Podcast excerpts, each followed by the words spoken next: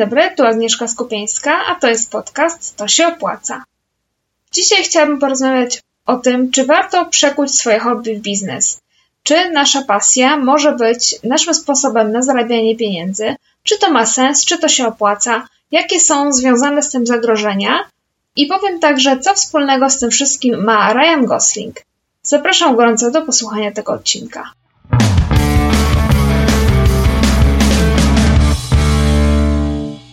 Ponieważ ten odcinek ma dotyczyć hobby, to zacznę od czegoś, co dla wielu osób jest takim właśnie hobby, a więc od filmu. Konkretnie od filmu La La Land, który być może już widziałeś, a jeżeli nie, to warto zobaczyć chociażby z tego względu, że on ma dużo nominacji do Oscara, być może już jakąś nagrodę otrzymał, kiedy słuchasz tego podcastu. Głównym bohaterem tego filmu jest Sebastian, grany przez Ryana Goslinga. Sebastian to jest ktoś, kto jest wielkim marzycielem a jego największym marzeniem jest e, stworzenie klubu jazzowego, takiego klubu z prawdziwego zdarzenia, w którym będzie grana właśnie muzyka jazzowa. Sebastian sam jest też muzykiem, gra ten jazz na pianinie. No i właśnie marzy mu się, żeby był taki klub, w którym e, ta muzyka będzie prezentowana w takiej tradycyjnej formie i będzie to, on cały czas podkreśla, czysty jazz. Nie opowiem Ci, e, jak ten film się toczy i czy Sebastianowi uda się to jego marzenie zrealizować. Natomiast chciałabym jakby przez chwilę zastanowić się nad tym, e, o czym ten bohater myśli. On tak naprawdę myśli o tym, żeby swoje hobby, czyli zamiłowanie do jazzu, przekuć w biznes. Z tym, że w jego przypadku motywacją jest to, żeby ten e, jazz, to, to jego hobby, ocalić od zapomnienia. To znaczy, żeby coraz więcej osób tej muzyki słuchało żeby ta muzyka po prostu nie zginęła, bo film dzieje się w czasach nam współczesnych, a więc no umówmy się, jazz nie jest w tej chwili jakimś bardzo popularnym e, gatunkiem i Sebastian marzy o tym, żeby tę świetność jazzowi przywrócić. I to jest oczywiście rzeczywistość filmowa, natomiast rzeczywistość, która jest wokół nas, często wygląda inaczej. Często motywacją do otwarcia własnego biznesu opartego na hobby jest to, żeby na tym biznesie zarabiać pieniądze. Oczywiście, jeżeli coś lubimy, chcemy, żeby ktoś nam płacił za robienie tego, co lubimy, nie ma w tym nic nadzwyczajnego. Na przykład ktoś, kto lubi robić na drutach, wymyśla sobie, że od tej chwili będzie robił na drutach powiedzmy czapki i te czapki będzie sprzedawał, to będzie jego sposób na życie. Albo ktoś inny uwielbia taniec i wymyśla sobie, że otworzy szkołę tańca, w której to szkole będzie prowadził lekcje tańca. Ktoś znowu inny uwielbia podróżować i myśli sobie, jak tu zarobić na swojej pasji, więc wymyśla, że otworzy biuro podróży i będzie zarabiał na podróżowaniu. Tylko, że w takiej rzeczywistości, jaka jest wokół nas i w takich pomysłach na biznes, jest, jest sporo zagrożeń. E, jest sporo zagrożeń w tym, że chcesz przekuć na biznes swoje hobby. Jest sporo takich rzeczy, o których warto wcześniej pomyśleć. Ja kilka takich rzeczy sobie wynotowałam i chciałabym Ci o tych, o tych rzeczach opowiedzieć. Mam nadzieję, że to Ci trochę pomoże rozstrzygnąć, czy to warto zamienić swoje hobby w biznes, czy może jednak lepiej, żeby ono pozostało w tej sferze zainteresowań i pasji. Po pierwsze, kiedy myślisz o tym, że Twoje hobby może stać się Twoim sposobem na zarabianie pieniędzy, to powinieneś zastanowić się nad tym, jaki będzie Twój model biznesowy. Konkretnie, na czym będziesz zarabiał pieniądze. Oczywiście, jeżeli Twoim pomysłem na biznes jest, e, no na przykład to e, szydełkowanie czy robienie na drutach, to jest jasne, że będziesz zarabiać sprzedając czapki, które zrobisz na drutach.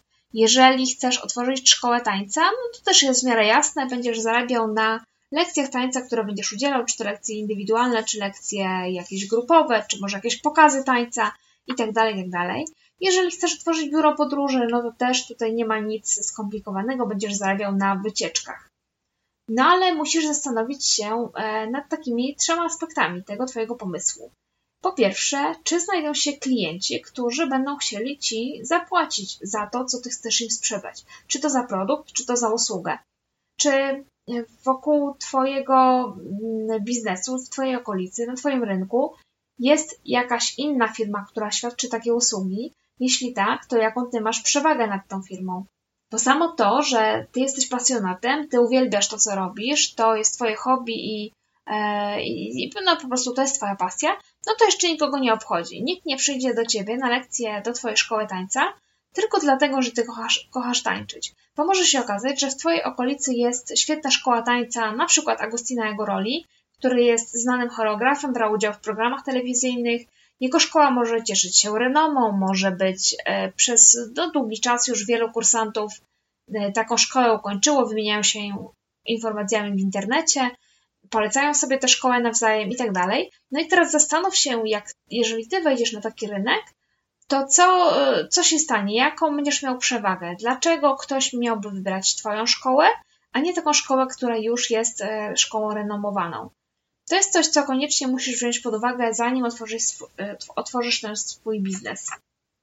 Kolejna rzecz to jest oszacuj, jak duży jest ten Twój rynek. To znaczy, jak wiele osób być może będzie zainteresowane tymi Twoimi produktami albo usługami.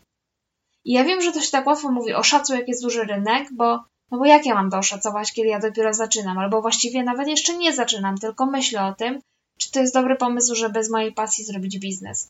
No nie da się tak tego oszacować, ale ja mam na to taki sposób, podchodzę do tego jakby od drugiej strony. To znaczy, myślę sobie, ile ja chciałabym zarabiać na tym moim biznesie. No powiedzmy, że po odliczeniu wszystkich kosztów, zapłaceniu podatków i tak dalej, chciałabym, żeby w kieszeni mi zostawały 3000.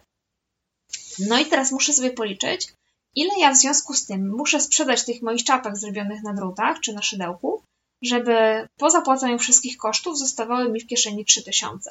Czy ja muszę tych czapek sprzedać 30 w ciągu miesiąca, czy 40, czy 50, czy 60, a w związku z tym, jeżeli muszę ich sprzedać 60, to oznacza, że w ciągu jednego dnia roboczego, a tych dni roboczych mamy 20 w miesiącu, ja muszę zrobić tych czapek 60 podzielić na 20, czyli 3 czapki dziennie muszę zrobić. No i czy to jest realne, że że ja zrobię te trzy czapki dziennie. To jest coś, co ty musisz sobie przemyśleć, czy to jest realne, żeby znaleźć tylu klientów i jakby zrealizować tyle usług w danym czasie, które masz do dyspozycji, żeby zarobić tyle, ile chcesz zarabiać.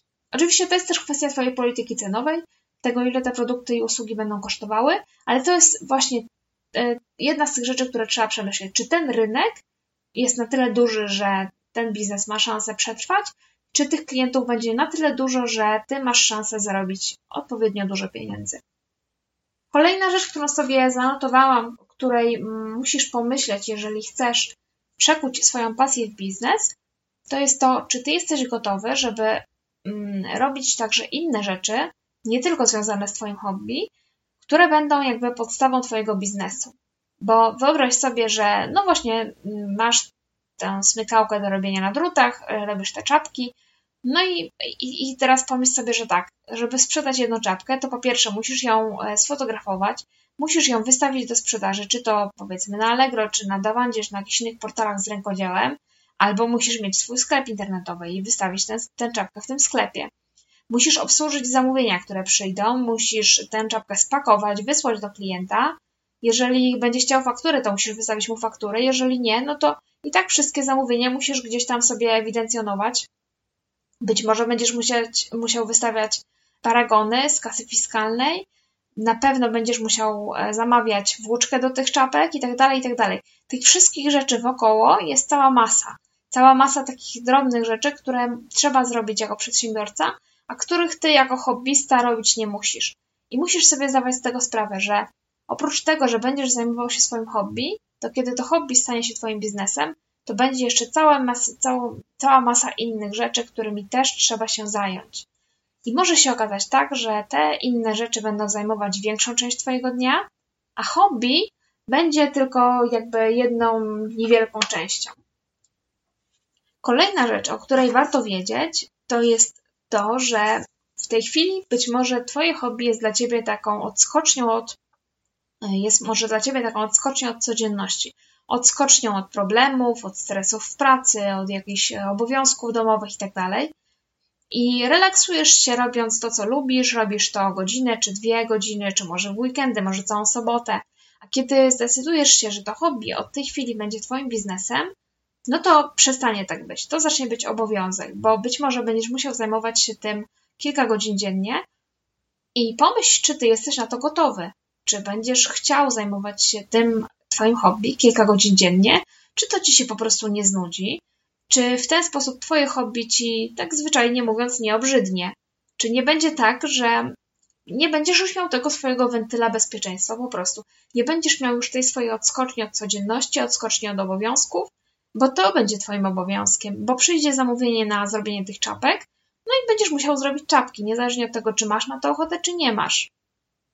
Tej chwili Twoje hobby jest czymś, co możesz robić, a nie musisz, ale kiedy zamienisz je w biznes, no to będziesz już musiał robić to, do czego się zobowiązałeś i, i to, na czym zarabiasz tak po prostu.